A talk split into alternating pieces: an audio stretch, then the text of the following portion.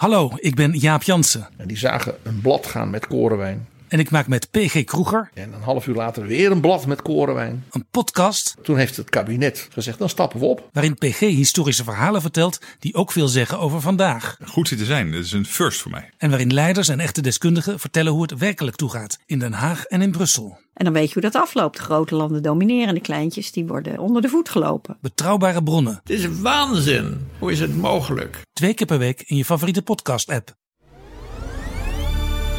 Kortie Media.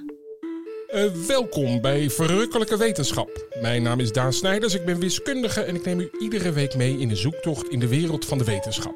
Eindelijk een podcast voor iedereen die ooit een keer waarom heeft geroepen. Een vrolijke podcast die afdaalt in de diepste spelonken op zoek naar al het moois dat wetenschap ons kan leren. Iedere week hebben we één vraag en één gast die ons hopelijk een stapje dichter bij de ultieme waarheid brengt. Vraag van vandaag: kun je eeuwig leven door jezelf in te vriezen?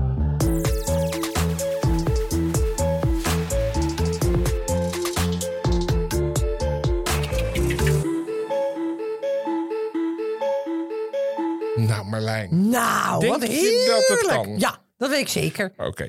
Hey, ik kwam daarop. Het heet cryonisme trouwens. Cryonisme. Eh, met Disney. Je kent Walt Disney? Ja. De tekenaar. Walt Disney, daar heb ik het over. Eh, Ik snap hem. Daar gingen, of gaan, al jarenlang geruchten eh, rond dat die ingevroren is. Dus die is in 1966 overleden.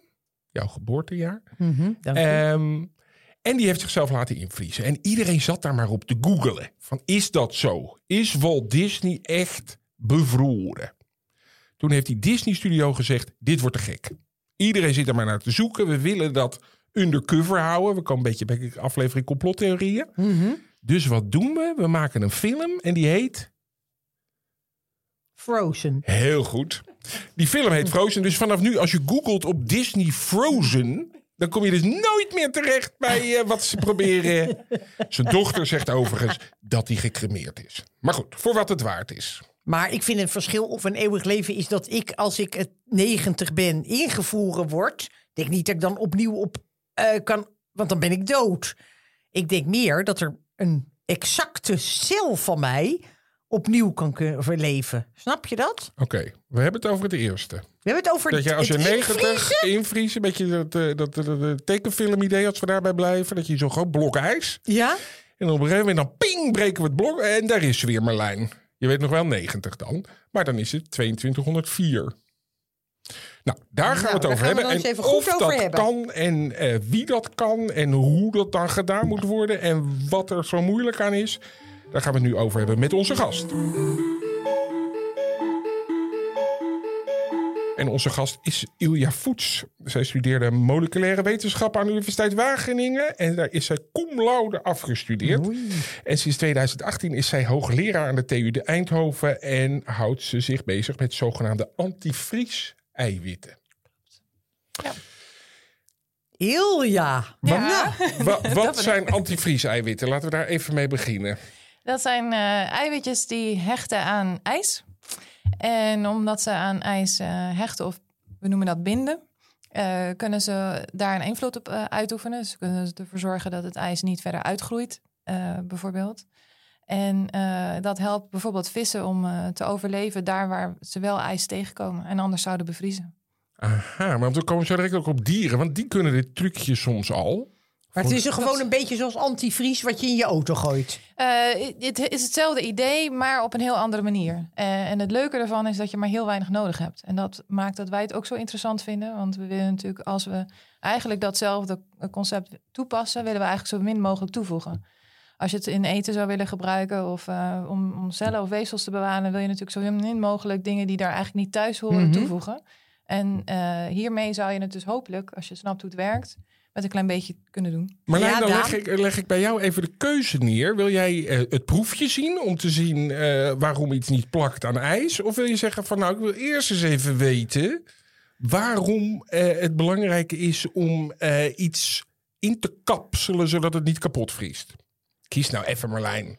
Ja, ik kies voor de tweede. En de Heel proef goed. komt later. Oké. Eerst de uitleg. Dus dan gaan we even kijken van wij vriezen bijvoorbeeld Marlijn terwijl ze 90 is in. Wat is dan het grootste probleem wat je met die eiwitten zou kunnen oplossen? Nou, een van de grote problemen als je invriest en later weer moet ontdooien, is dat er eh, ijs ontstaat. En ijs ontstaat dan op plekken waar ijs eigenlijk helemaal niet thuis hoort. En dat maakt dat het eh, de cellen en de weefsels, de organen, van alles van ons lichaam uiteindelijk kapot maakt. En die schade is vaak niet meer herstel, eh, te herstellen. Dus eh, het ehm, lichaam heeft een ongelooflijk, ehm, is een ongelooflijk slim apparaat en heel veel schade is te herstellen. Ehm, maar deze processen van invriezen en dooien op grote objecten, zoals een lichaam, dat gaat te langzaam eigenlijk. En daardoor ontstaat er schade. En die is eigenlijk niet meer goed te repareren. En, en moet ik dan denken aan echt de, de structuur van die kristallen die het breekt? Ja, onder andere, maar er zijn allerlei andere eh, Oh. mechanismes die, eh, die plaatsvinden. Dus eh, het komt er inderdaad op neer dat er lokaal op bepaalde plekken cellen kapot gaan. Of dat ze nog lijken intact te zijn, maar dat ze toch niet helemaal meer dezelfde samenstelling hebben. Of dat ze bijvoorbeeld niet meer zo goed kunnen samentrekken. Voor, voor spieren en voor het hart is dat natuurlijk de- van groot belang.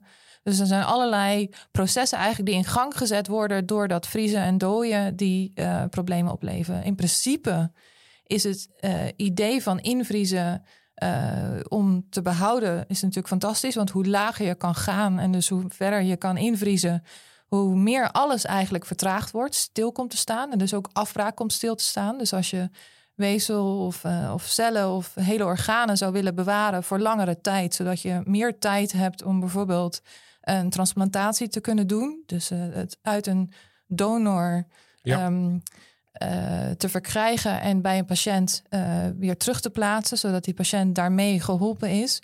Om die tijd te verlengen, zou je het eigenlijk het liefst zo koel mogelijk willen bewaren. Maar het probleem daarbij is dus de schade die optreedt. Vaak bij het ofwel het invriezen ofwel het dooien, omdat dat op grote volumes te traag gaat. En daardoor allerlei, ja, ehm, allerlei schade op verschillende manieren ontstaat. En, Maar je en zegt als het heel snel gaat, dan zou het wel kunnen. Als, als je het- er één keer diep vries, dan, daarom, is het beter. makkelijk, daarom is het makkelijker voor, voor kleine objecten. Ah. Dus voor celletjes is het daarom makkelijker dan voor, Ja. voor organen. Ja. Oké. Maar heel eventjes, hè? Nee, Ja, nee. Nee, niet zo gek, niet zo Kom maar, geërgerd. er is een bepaald Nee, ritme in zo'n... Ja, ik haal jou even uit het ritme. Nee, want we hadden het net over lichamen, maar ik neem aan dat je het vooral hebt over organen. Dat is toch nu waar dan... Dat is de praktijk. Of worden er ook allemaal lichamen ingevroren ja in maar daar komen we zo op. Echt. Oh, Wat we, wat onze insteek is... Wat ik je nu even geef, Marlijn... weer Walt Disney. Ja. Ja, van Walt Disney een stickerboek. En wat moet Marlijn gaan proberen? Nou, probeer eens een sticker te plakken op, eh, op ijs. oké. Nou, we hebben hier Ik neem altijd. Katrien Duk. Die vind ik toch wel... Die spreekt altijd erg tot de verbeelding. Vreselijk, hoe die, hoe die Guus en Dodo tegen elkaar uitspeelt. Ja, dat is gewoon een, eh, een intelligente vrouw. Maak eens een keuze, zou ik zeggen. Ja, dan pak ik nu een. Oh ja, nee. Nee, daar is niets meer van wat lijmt. Is. Het blijft nog wel kleverig, grappig genoeg. Want Ja. ik dacht, misschien verdwijnt dat. Maar Ja. het, is, het glijdt er vanaf. Je kan het niet erop plakken. Ja, en plakt het wel op iets anders, de sticker? Of hebben de stickers eigenlijk hele, slechte nee, stickers nee, gepakt? nee, helemaal niet. En op je hand. Ook op mijn hand en zelfs op mijn trui. En hier op de. Oké, nou dit is een redelijk simpel proefje. Ja. Ja, Maar jij hebt dus eh, eiwitten die wel... Ja, precies. Dus dat maakt ze heel speciaal. Dus eigenlijk hecht bijna niks op ijs. Eigenlijk eh, bijna alle materialen mijden ijs. Dat zie je hier. ja. Eh, maar deze eiwitten doen dat juist niet. En dat maakt ze zo bijzonder. En wij onderzoeken waarom ze dus juist wel hechten. En hoe we dat kunnen benutten. En, en, en moet ik dan denken aan eh, dus een soort ingekapselde ijsstructuren in je lichaam... waardoor als het ontdooit dat er dan niks aan de hand is? Nou, wat we bekijken allereerst is, is hoe de eiwitjes zoals ze voorkomen in de natuur, dus in vissen of in planten of in bacteriën of in algen enzovoort, het, eh, hun werk doen. En dan proberen we inderdaad te kijken of we diezelfde eiwitten kunnen gebruiken voor in ons lichaam. Of, of we nieuwe materialen kunnen maken die er totaal anders uitzien, maar die wel op dezelfde wijze of op nog een verbeterde wijze eigenlijk eenzelfde eh, of verbeterde functie kunnen, kunnen hebben. Dus met andere woorden, eh, eiwitjes in vis bijvoorbeeld, die komen voor in het bloed. Eh, en daar, eh, die, die krijgen ehm, kleine ijskristalletjes binnen. Dat zijn micrometer grote ijskristalletjes, veel kleiner dan de diameter van een, van een haar. Voor ons nog steeds redelijk groot ehm, als onderzoekers.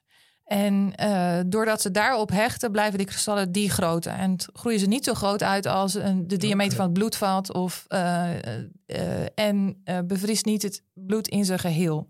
Ehm, nou, en dat soort. ehm, dat noemen we dan een, een beschermingsmechanisme. Dat willen we toepassen ook in het, bij het invriezen van cellen of bij het invriezen van Organen. organen. Of van mensen. Want ik weet, Merlijn...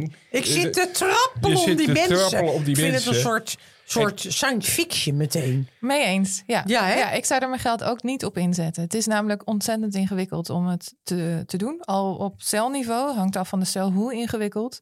En eh, wat we steeds meer zien is dat eh, bij meer onderzoek doen aan verschillende types cellen enzovoort, is dat er eigenlijk ehm, de samenstelling van wat je nodig hebt afhangt van welke cel, cel je gebruikt. eh, voor het onderzoek en ook in welk stadium zo'n cel zich bevindt. En dat betekent dat je dus eigenlijk voor eh, alle verschillende onderdelen in ons lichaam, dat zijn er nogal veel, eh, eigenlijk een verschillende samenstelling van je beschermende, Van dat eiwit nodig hebt. ja, of iets anders wat dat zou doen. Ja. En dat maakt dat je dus geen one size fits all oplossing kunt, kunt vinden. Dus het is zeer onwaarschijnlijk, mijns Volgens inzien, jou, ja. dat, Gelukkig eh, maar. dat we het eh, dat zoiets mogelijk is. Maar dat is, eh, maakt niet dat het eh, niet interessant is om naar te kijken. Omdat zelfs op celniveau en wezenniveau, dus veel simpeler, is het al een ingewikkeld en interessant probleem om naar te kijken en heel erg nuttig. Want ehm, als je dat kunt doen op dat niveau, dan kan je ook dezelfde type cellen lang bewaren en behouden, bijvoorbeeld voor onderzoek. Dus als je aan een cel dat je aan medicatie werkt. En voor medisch onderzoek wil je medicatie testen op een bepaald type cel. En je wilt het eigenlijk zoveel mogelijk op dezelfde type cel ontwikkelen. Maar je hebt natuurlijk, maakt stappen in zo'n ontwikkeling. Dus je wilt eigenlijk op precies dezelfde celpopulatie kunnen toetsen. Omdat die verschilt in de loop van de tijd. En als je dus zo'n populatie kunt invriezen en dezelfde populatie behouden en telkens een beetje uit precies dezelfde celpopulatie Ja. Haalt, dan kan je dus dat onderzoek beter doen. Maar als er heel veel gaan we- doodgaat, dan ja, is dat een probleem. Maar we moeten naar die rijen ingevroren mensen die... eh, die- Nee, ik wil nog heel even iets anders. Ja, Nou, je bent heel geërgerd vandaag. Ik weet niet precies wat er aan de hand is. Zeg het maar. eh, oh, zeg het maar. Ja, nou This ben, ik, nou ben ik het weer vergeten. we gaan dus eventjes weer terug naar terugdenken. 1967. De Chatsworth Scandal. Eh, er was een hoogleraar psychologie en die heeft een bedrijf opgezet. En die heeft, eh, was van plan duizenden lichamen in te gaan vriezen. Maar dat bleek een beetje te optimistisch. Er ontstond een geldtekort en uiteindelijk werd ook de voorraad stikstof waarin die lichamen zich bevonden niet op tijd bijgevuld. Hierdoor gingen de ingevroren lichamen uiteindelijk rotten. Ja. Toen dit in 1978 naar buiten kwam, zorgde het voor een grote rel die ook wel de Chatsworth-schandaal wordt genoemd. Dan gaan we even naar nu. Want jij zegt wel science fiction, maar ik heb een collega bijvoorbeeld, die heeft er al voor betaald. Ilja zei net van, eh, ik zou mijn geld er niet in stoppen. Maar die heeft al een eerste duizend euro neergelegd. Dan word je lid van een eh cryo-achtige toestand. En als je dan bij je overlijden zorgt dat je ook nog anderhalf à twee ton hebt, word je snel overgevlogen naar Amerika. Want in Nederland is het verboden. En word je daar ingevroren. Nou, hoe gaat dat in zijn werk, Marlijn? Jeetje. Zie je nou waarom ik zo er geërgerd was? Ja. Dit, willen, dit willen de mensen horen. Dit, hier gaat het om. Nou. Eens even kijken. Nou, Eh, Zo snel mogelijk gekoeld naar 0 graden word je. En eenmaal aangekomen in Amerika word je in een soort van antivriesmiddel gebracht. Je wordt afgekoeld naar een temperatuur van min 196 graden. Ja. Een soort hele grote thermosfles wordt je ingezet. Ik, ik laat je even een plaatje zien, Marlijn. En als je wat, wat, wat minder groot eh, bij kas zit, of wat minder te besteden hebt, kan je ook alleen je hoofd laten invriezen.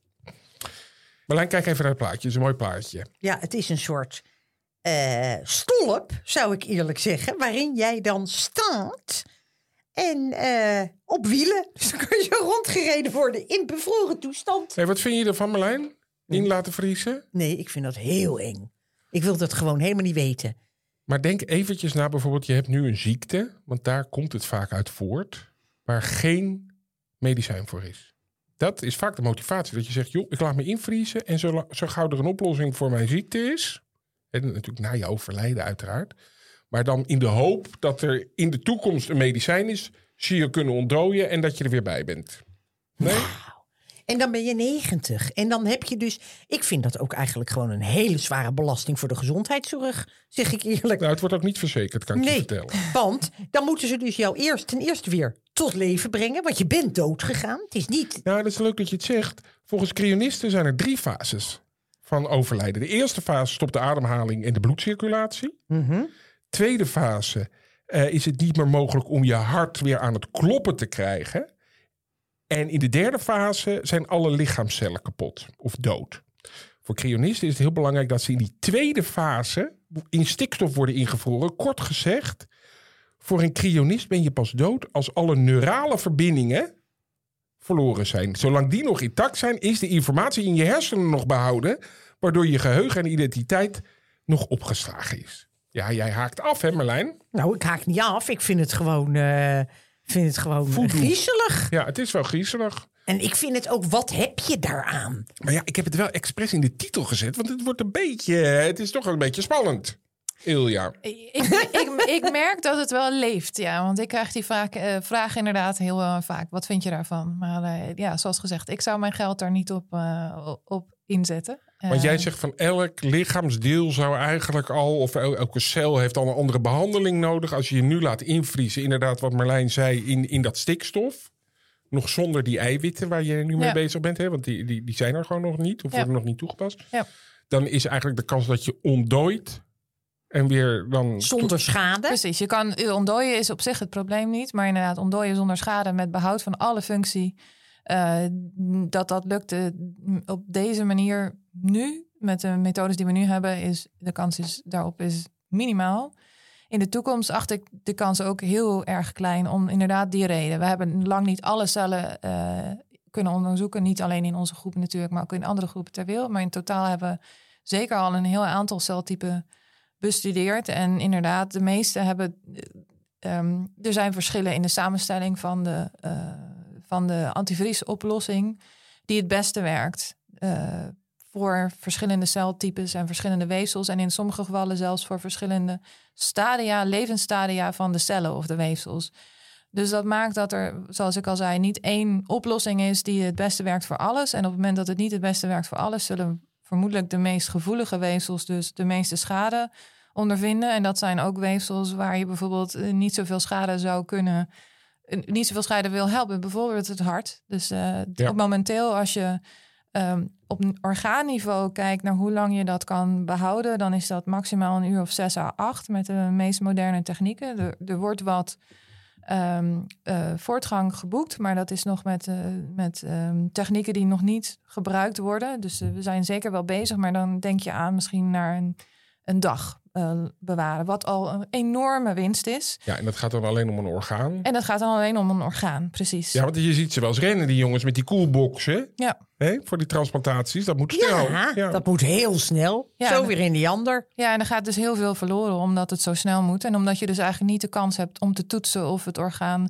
ook geaccepteerd wordt door de patiënt bijvoorbeeld. Of om überhaupt de reis te maken van de donor naar de patiënt. En Ja. voordat we het daarover hebben, even een korte vraag. Vacuüm. Kunnen niet mensen vacuüm verpakken?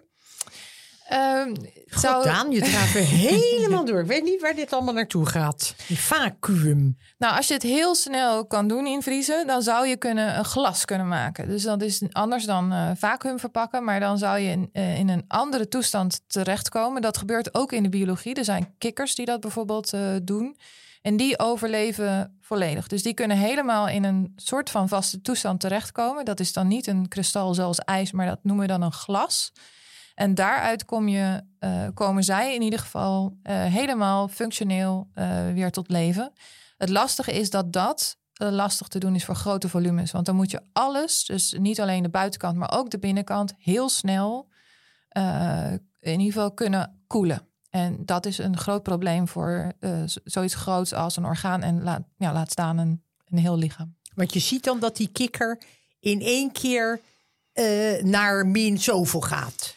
Nou, die kikker doet het niet eens super snel. Maar je ziet inderdaad dat die kikker op het moment dat hij eh, bij min 40 of min 50 in Canada in de winter is, dat hij zo hard is als een, eh, in feite als een steen. Dus je kan eigenlijk de kikker oppakken alsof het een steen is, ergens anders tegenaan tikken als het ware. Het is helemaal allemaal volledig vast. En in, de, eh, in het voorjaar of in de zomer, wanneer de temperaturen weer hoog genoeg zijn, ontdooit hij als het ware. De reden dat hij dat kan, is omdat er heel veel antivries, natuurlijk antivries, dan in zo'n lichaam aangemaakt wordt. Zodat hij dus naar die toestand toe kan. Ehm, en dat brengt ons weer bij, ja, eh, doe dat maar eens in een, in een mensenlichaam. Zoek maar eens iets wat je op zo'n ongelooflijk hoge ehm, grote hoeveelheid kan toevoegen zonder dat het iets anders verandert. Dat, dat is er momenteel niet. En is je de helft van de tijd bevroren, die kikker. Hoe lang weet ik eigenlijk niet. Hoe lang die... eh, lekker. Hoeft hij, eh, om, om het jaar hoeft hij maar zijn verjaardag te vieren. Is een half jaar is hij gewoon... eh, mi- mist hij. Hij is nog net zo jong, toch? Als hij eruit komt, als dat hij erin ging. Ja, ja, ja, ja, ja, daar kan je misschien over twisten. Ja. Hoe dat bij kikkers werkt eigenlijk. Nee, daar heb ik ook geen studie naar gedaan. En dan hebben we ook nog beerdiertjes. Ja, Daar klopt, hebben we het al een keertje Ja. over gehad. Ja. Met eh, Milo, weet je dat nog? Met buitenaards leven. Die had Ja. ze zelfs meegenomen. Ja. En die, die zei van, nou, als er iets ooit uit, Ja. uit, uit, uit, uit het heelal komt, dan is dat het, het, het beerdiertje. Ja, dat is een heel gaaf het diertje. is Ja. een heel gaaf diertje. En die kan dus bijvoorbeeld, dus ik ga heel eventjes kijken, 8,5 uur in eh, vloeibaar helium van 270 graden onder nul gewoon overleven. Ja, dit is, er wordt wel gezegd, eh, er is ook studie naar gedaan, niet door ons, maar door anderen, dat, eh, ja, zeg maar, stel dat al het andere door extreme droogte, hitte, de druk, wat dan ook, eh, kapot gaat, dan nog kan dit diertje overleven. Dus het is extreem ehm, robuust, zeg maar. Bestendig tegen tegen. van alles en nog Ja. wat. Ja. ja. Ja. Ja. Hey, en, en die, eh, komt dat dan doordat hij geen bloed heeft of zo, dat dat makkelijker is? Of? Ook bij dit diertje, net als bij die eh, Canadese ehm, kikker, eh, die maakt heel veel van bijvoorbeeld eh, suikers aan, eh, waardoor eh, ook die weer in een soort van glastoestand terechtkomt. Leuk hoor, dat ze dat kunnen. Mina. Maar wij kunnen het niet. En, Nee. en, en gaat het dan zover dat jullie ook proberen om andere, eh, bijvoorbeeld muizen in zo'n glastoestand te krijgen? Of mag dat allemaal? Eh, Het zijn natuurlijk allemaal wetten voor eh, proefdieren, maar mag je dat ook proberen? Nou, wat wij doen, wij richten ons momenteel op, op cellen en, eh, en dat is, eh, laten we zeggen, relatief eenvoudige weefsels die uit niet heel veel verschillende celtypen bestaan. En dat is al, een, al heel erg complex. En daar kan je al heel veel eh, betekenen. Dus wij werken nu niet eh, aan, aan proefdieren. Ehm, eh, en ik denk ook niet dat wij dat in de toekomst zullen gaan doen. Want ik denk dat we daar al heel goed kunnen waarnemen wat dan de belangrijke factoren zijn. Waar gaat het mis bijvoorbeeld? Wanneer gaat het mis? Zodat de schade niet meer te herstellen is. En welke samenstelling hebben we nodig van zo'n antivriesoplossing om dat te voorkomen? Eh, en ja, daar gaan we stapsgewijs dan in, in eh, verder mee. Ja. En voor, voordat we precies erop ingaan eh, waarom dat eh, heel relevant werk is wat jij doet en waar we heel veel profijt van zullen hebben in de toekomst, onderbreken we dit even. Dus neem lekker een slok. eh, vanwege de huishoudelijke tip, die altijd rond deze tijd eh, komt. De huishoudelijke tip. Ja, ik Marlijn. Ja. Oh. Je kan eten gewoon twee keer invriezen. Wist je dat? Bij ons is toch altijd verteld dat je als het ontdooid is, dat je het niet meer in kan vriezen? Ja, dat is mij verteld. Nou, dan, dan, is, de, dan is de officiële richtlijn. eh, het kan wel, maar je mag nooit iets ontdooien door het op het aanrecht te laten liggen. Of erger, onder warm water te stoppen. Doe ik altijd. Doe ook, hup. Dat mag helemaal niet. Want bacteriën hebben het graag warm en die vermenigvuldigen zich als een razende. Moet Dus je dat- het in de ijskast laten ontdooien? Heel goed. Nou ja, in de koelkast dan. Ja. Ehm, Ijskast als je het meteen op gaat eten, is het. Zeg je sorry? Ijskast en koelkast zijn hetzelfde. Het zijn alleen twee andere woorden. Ja? Dat is helemaal niet waar, lieverd. Oké. nou, daar wil ik het echt nog eventjes over. De een is een freezer en de andere is een refrigerator. nou ja, nee. goed. Ontdooien in de eh, eh, microwave, wil ik nu zeggen. Ja. Maar in de magnetron, Ja. dat is eh, minder erg. Of, of met koud water. Maar dan kan je het nog steeds beter niet opnieuw invriezen. Bij het andere is het zelfs slechter om het te eten als je het met warm water hebt gedaan. Maar als je het gewoon in de koelkast, ik herhaal het woord, koelkast hebt laten ontdooien, dan kan je het gewoon weer invriezen. Nou, dat vind ik toch leuk, want wij, wij kregen altijd mee van oh, als het eenmaal ontdooid is. Ja, dat is, dat is net zoals dat ik eh, over eh, spinazie. Dat je Ja. dat niet de volgende dag weer opnieuw mag opwarmen. Dat schijnt ook een verhaal te zijn. Nou, dat is al lang achterhaald. Iedereen warmt weer spinazie op en huppakee de tweede dag. Ja? Is Ja. dat niet slecht voor je botten? dat heb ik Kijk naar gehoord. Popeye. Het wordt er niet lekkerder op in het geval van, eh, van invriezen, dooien en nog een keer invriezen en dooien. In, eh, Nee, dan wordt het Nee, taaier vlees. Ik zou het of- ook niet vaak doen, nee.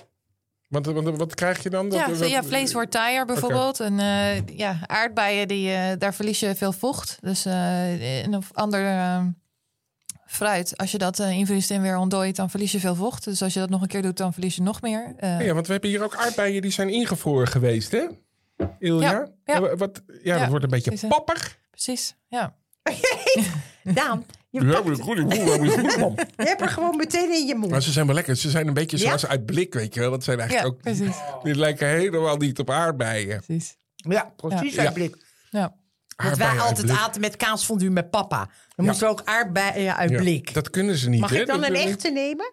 Ja. En wa- wa- waarom, waarom... eh, Dus alle cellen zijn kapot gegaan door het invriezen van de aardbei? Nou, alle, alle dat eh, zal ik niet zeggen. Maar eh, ja, daar, daar gaan inderdaad eh, cellen kapot. En eh, daardoor verliezen, ja, is er vochtverlies. En de structuur gaat, is, is niet meer hetzelfde. En dat maakt dat het dus heel anders smaakt. Dus eh, Ik vind het wel lekker hoor, maar het heeft niks meer met een aardbei te Nee, maken. Ja. nee.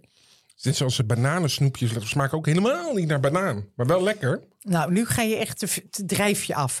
Oké, Eh, we gaan terug ik wil naar... heel eventjes Oh. terug naar eh, die vissen. Met dat, dat eiwit, of tenminste dat eiwit in hun, in hun bloed bijvoorbeeld. Hè? Maar zijn dat dan bepaalde vissen of hoe? Ja. hoe? Ja. Oké. ja, dat klopt. Dus eh, vissen in, die zwemmen, rondzwemmen in de zeeën eh, op de Zuid- en Noordpool. Ehm, en ehm, dicht bij het oppervlak, die, eh, waar ijsschotsen op drijven, die komen tijdens hun leven dus eigenlijk heel veel ijs tegen. Ja. Dat krijgen ze in hun bloedbaan. Eh, en als ze niks zouden hebben zoals deze eiwitten, zouden ze kapot vriezen. Omdat ze in hun bloed veel minder opgeloste eh, zout bijvoorbeeld hebben dan het omringende zeewater. Daardoor is hun vriespunt hoger. Zouden ze dus eigenlijk moeten bevriezen. Dat, zo is het ook ontdekt. Dus biologen die vroegen zich af, hoe kunnen ze überhaupt overleven? Want als wij die... ehm, eh, want als wij meten hoeveel zouten ze bijvoorbeeld in hun bloed hebben, dan is dat te weinig om te kunnen overleven. En zo zijn ze gaan zoeken naar iets van een antivries. Daar komt ook de naam vandaan, eh, die dat mogelijk maakt. En dat was antivries glycoproteïne. Klopt. Dat, AFGP. klopt. Dat zijn eiwitten die ook nog een beetje suikers bevatten. Oké, en die zijn heel belangrijk voor de cryobiologie. En daar willen we volgens mij nu naartoe, want dan krijgen we echt de relevantie van je onderzoek. Dat vind ik altijd heel fijn. Lukt lang niet bij elke gast. Dat we altijd zeggen van waarom ben je hier in de hemelsnaam mee bezig? Maar nu gelukkig wel. Eh, want goed. in Nederland staan er op dit moment 1300 mensen op de wachtlijst voor een orgaan. De wachten het meeste op een nier, 892, long, hart, lever en alvleesklier. Nou kan je het doen bij levende mensen, iets transplanteren van een levend iemand naar een ander levend iemand, Marlijn? Voorbeeld? Weet ik wel. Mensen geven wel eens hun nier af. Heel goed. En het lever kan ook, want grappig genoeg kan het Kan je er lever... een stuk van afsnijden. Juist, dat is het En dan gaat het gewoon weer door. orgaan dat kan regenereren.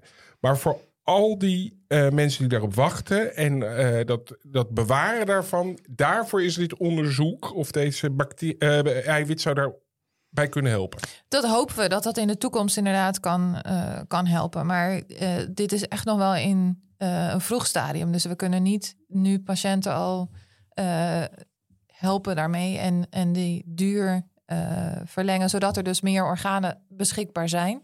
Maar dat is zeker wel waar we naartoe willen. Maar zoals ik al eerder zei, op het moment moeten we ons nog richten op de individuele cellen en de Ja. weefsels. Dus simpeler systemen dan een eh, complex orgaan. Want nu gaat het echt om een paar uur eigenlijk dat je maar de tijd Ja. hebt hè, om, een, eh, om een hart te transplanteren. Ja. Of, Ja. En maar, maar waar, waar, waar denk jij aan in de toekomst? Eh, Heb je dan echt dagen de tijd? Of, of kan je dat- gewoon dat een is- voorraad aanleggen? Of, Ja, dat is in principe waar we naartoe zouden willen natuurlijk. En in principe is dat wat je met vriezen zou kunnen bereiken, omdat je alle afbraakprocessen remt. Dus als je inderdaad weer opnieuw kunt ontdooien zonder eh, onherstelbare schade ehm, eh, te doen aan zo'n orgaan, dan kan je denken aan het eh, bewaren of banken van, van organen. Dat wordt nu voor eh, bepaalde cellen en bepaalde weefsels gedaan, maar voor organen kan dat niet. Ehm, wat er nu gedaan wordt, is, een, een, is methodes waar we niet invriezen om ook die tijdsduur te verlengen. Dan kan je ook wel wat verlengen, maar dan verwachten we dat het niet veel meer gaat worden van, dan een, een aantal, ehm, een x aantal uren of dagen. Dus zeg een winst tot eh, twee à vijf dagen misschien. Misschien wel meer hoor. Maar niet zoveel als je in principe op papier kan met invriezen en weer dooien. En dat proberen wij eh, aan te pakken. Zodat je dus echt lang kan gaan. Bijvoorbeeld ehm, hartkleppen. Ja. Eh, dat is wat weefsel wat wat meer ehm, toelaat. Wat wat minder gevoelig is voor dit soort schade. Die kan je al jaren bewaren. Oké. Dus er zijn al bepaalde eh, cellen en weefsels waar dat langer kan. En dat zou natuurlijk prachtig zijn als we dat voor heel veel verschillende cellen en weefsels kunnen doen. En dat is ook dankzij dat En ook eiwit. organen kunnen doen. Ik heb Nee, ook wel nee, van- nee, oh, dit is gewoon, dit Ja. kan sowieso al met die hartklep. Ja, dit op een, op een andere manier. Oké. Ja, ja. Want ik wil nog even voor die collega opnemen. Ja. Als, eh, eh, Nou jij, ja, zat, jij ja. zat al over je hart. Amerika. Eén Eén stapje groter zijn je hersenen bijvoorbeeld. Dat zou misschien dan nog kunnen, Ilja. Ik probeer je uit de tent te lokken. Of zeg je van nee, dat is al te groot, dat gaat nooit lukken. Eh, wat het volume is wat, eh, wat wel kan en wat niet kan, dat vind ik lastig te zeggen. Maar we, moeten het, we moeten het eigenlijk gewoon bekijken voor elk cel- en weefseltype enzovoort. Maar ik vermoed inderdaad dat dat, dat, dat te lastig is. En stel dat je eh, in structuur geen veranderingen ziet, dan is ook nog de vraag in functie. Hoe zit dat in functie? Dus dat bestuderen we altijd. Niet alleen de structuur, niet alleen, maar ook de functie. En ik ben heel benieuwd eigenlijk hoe je er dan uit zou komen. Hè, dus stel dat je zou invriezen en dooien, heb je dan nog hetzelfde bewustzijn, eh, geheugen enzovoort. Ander karakter, Marlijn. Veel, Ander veel, karakter veel, eh, enzovoort. Dus het, Veel ja. gezelliger. Veel gezelliger opeens. Meid, wat is er met jou gebeurd? Ik ben hier gevoelig geweest. Wacht even, Ilja. Ik moet nog even één vraag stellen. Ik weet dat mensen die bijvoorbeeld eh, vrouwen die kanker hebben gehad, die laten dan hun eicellen invriezen. Ja. Ja. Is daar ook dan dat afbraakrisico? Ja, dus, dus ook het feit dat, dat dat soort cellen heel koud bewaard wordt, dat, dat heeft dus inderdaad te maken met het, eh, het stoppen van allerlei afbraakprocessen. Ja. Ja. Ja. Maar daar zit ook nog niet, daar zit ook een bepaalde houdbaarheidsdatum op, of niet? Ja, ja, zeker. Maar hoe, hoe lang dat precies is en of dat dus, dat weet ik niet. Ik weet niet of dat eh, langer is dan eh 10 jaar of 20 jaar, of dat dat een. eh, dit is wel echt lang. En het heeft te maken met het feit dat eh, bepaalde cellen ehm, heel afhankelijk zijn van hun omgeving en heel veel communicatie hebben met hun omgeving. Dus andere cellen of eh, met materialen die ze zelf uitscheiden. En andere celtypen die hebben dat helemaal niet. En die kunnen veel langer eh, bewaard blijven. Ja. Ja, dat is wel goed dat je dat even zegt, Marlijn. Want eh, wat, je. wat, wat bijvoorbeeld zaadcellen kan dus wel. En, en, en eicellen, eh, die, die kan je dus jaren bewaren, eh, ingevroren en al. En dat wil niet zeggen dat er niks verloren gaat. Maar er kan ook goed getoetst worden wat er verloren gaat. En als je dus eh, niet maar één hebt, maar je hebt meerdere, dan, dan kan je, hè, met, heb je een goede kans dat er in ieder geval flink wat ehm, nog zonder schade ehm, ontdooid kan worden. En dus gebruikt kan worden. Ja. Ja. Dus jij houdt je daar niet mee bezig met bijvoorbeeld die antivries voor dat soort invriesproblematiek. En daar is het niet echt nodig, toch? Daar gaat het al goed. Nou ja, dat hangt er, dat hangt er vanaf. Dat hangt ook, ook weer af van de staat. Hè? Van, eh, van hoe goed zijn ze en hoe eh, robuust zijn ze. Dus dat eh, kan ook van patiënt tot patiënt eh, eh, verschillen. Eh, maar die zijn in ieder geval een heel stuk minder gevoelig dan cellen die eh, heel sterk afhankelijk zijn van een omgeving. En je moet je voorstellen, als je aan een weefsel of een orgaan denkt, dan is het niet alleen belangrijk dat een, een individuele cel alles nog kan, maar dat hij dat ook kan daar waar hij dat moet doen. En dus als je daar een cel verliest, dan kan je niet meer die vervangen door een andere cel. Terwijl je als je hè, denkt aan eicellen en zaadcellen, dan maakt het niet uit of het de eerste of de tweede of de derde is, zolang je maar een functionele cel hebt. Want als je die terugbrengt, Ja, terugplaatst, dan is het, is het in orde. Ja. Die zijn autonoom in die zin. Ja. exact. Ja. Ja. Dus geen samenwerkingsverband. Nou Marlijn, we hebben weer heel veel geleerd. Jeetje, fantastisch. Ja, Ja, het en- begon een beetje voor mij dat ik dacht, nou ja... eh, Wacht even, dit, dit lijkt napraten wat je nu aan het doen Pardon, bent. ik dat, hou me in. dat doen we altijd even officieel, namelijk nadat we afscheid hebben genomen van Ilja. Ontzettend bedankt voor eh, al je informatie. Was, eh, ik heb weer veel opgestoken en dan praat ik nu even naar Ja, ik sprak even voor mijn buurt.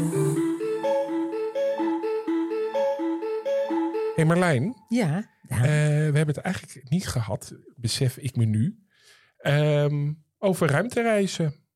nee, nou daar ben ik nou wel eens blij om. We hebben het elke keer over die ruimte en ruimtereizen. Nou, gaan we het gewoon eens een keer niet hebben over die ruimte en ruimtereizen. Wat is dat dan weer? Wat is dat dan weer, Wil ruimtewijze? wil je dan mee ingevoerd op een ruimtereis? Hé, Stel, je moet twee lichtjaren weg. Even invriezen. Maar Hup, Daan, die shuttle. Daan, heel even. Dat- We hebben net van Ilja gehoord dat we nog niet eens zo ver zijn dat we ingevoerd kunnen worden. Zonder dat we met vreselijke schade ontdooid worden. Dus het, ik, ik, ik bedoel, dan gaan we niet al die stap maken van eh, naar de maan. Goed. Nou, naar de maan kan nog wel. hey, eh, Marlijn. ehm, ja, Ik, ik vind het toch wel. Ik vind toch iets hoopgevends hebben. Ik, zie- ik merk dat jij denkt van wat een gekkigheid. Maar ik vind het wel mooi als mensen denken van nou, vries me dan maar in als ik overlijd. Misschien komt er nog een, eh, een, eh, een medicijn voor mijn ziekte. En kunnen ze me eh, ontdooien. Maar ja, je Nou, moet er kijk- wel twee ton voor over hebben. Ja, en ik zit hier natuurlijk ook terwijl ik geen ziekte heb. Dus ik vind dat altijd een beetje gemeen Ja. om te zeggen van ja, ik zou dat niet doen. Nee. Maar ik denk als je zo oud bent. Ik vind het ook een verschil. Misschien als je twintig bent en denkt ik ga nu dood. Dat je dan denkt nou dan wil ik weer tot leven worden ge- gewekt. Hey, wat ik normaal nooit doe, is even de gasten weer bijhalen. Waarom, eh Ilja, is... Want ze zitten nog wel degelijk mensen. Het is altijd een beetje een toneelstukje natuurlijk.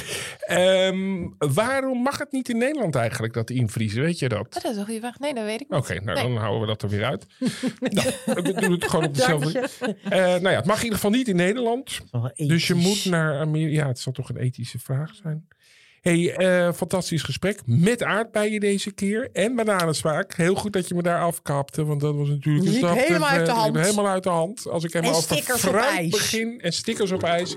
En eh, dan hopelijk volgende week weer eh, zo'n mooie gast. Fantastisch. Tot, oh, vergeet even niet waar je de mensen naartoe kunnen sturen. Verrukkelijke wetenschap kortimedia.nl met een, met een aardbei in zijn mond zegt hij het volgende. Kortie met een C.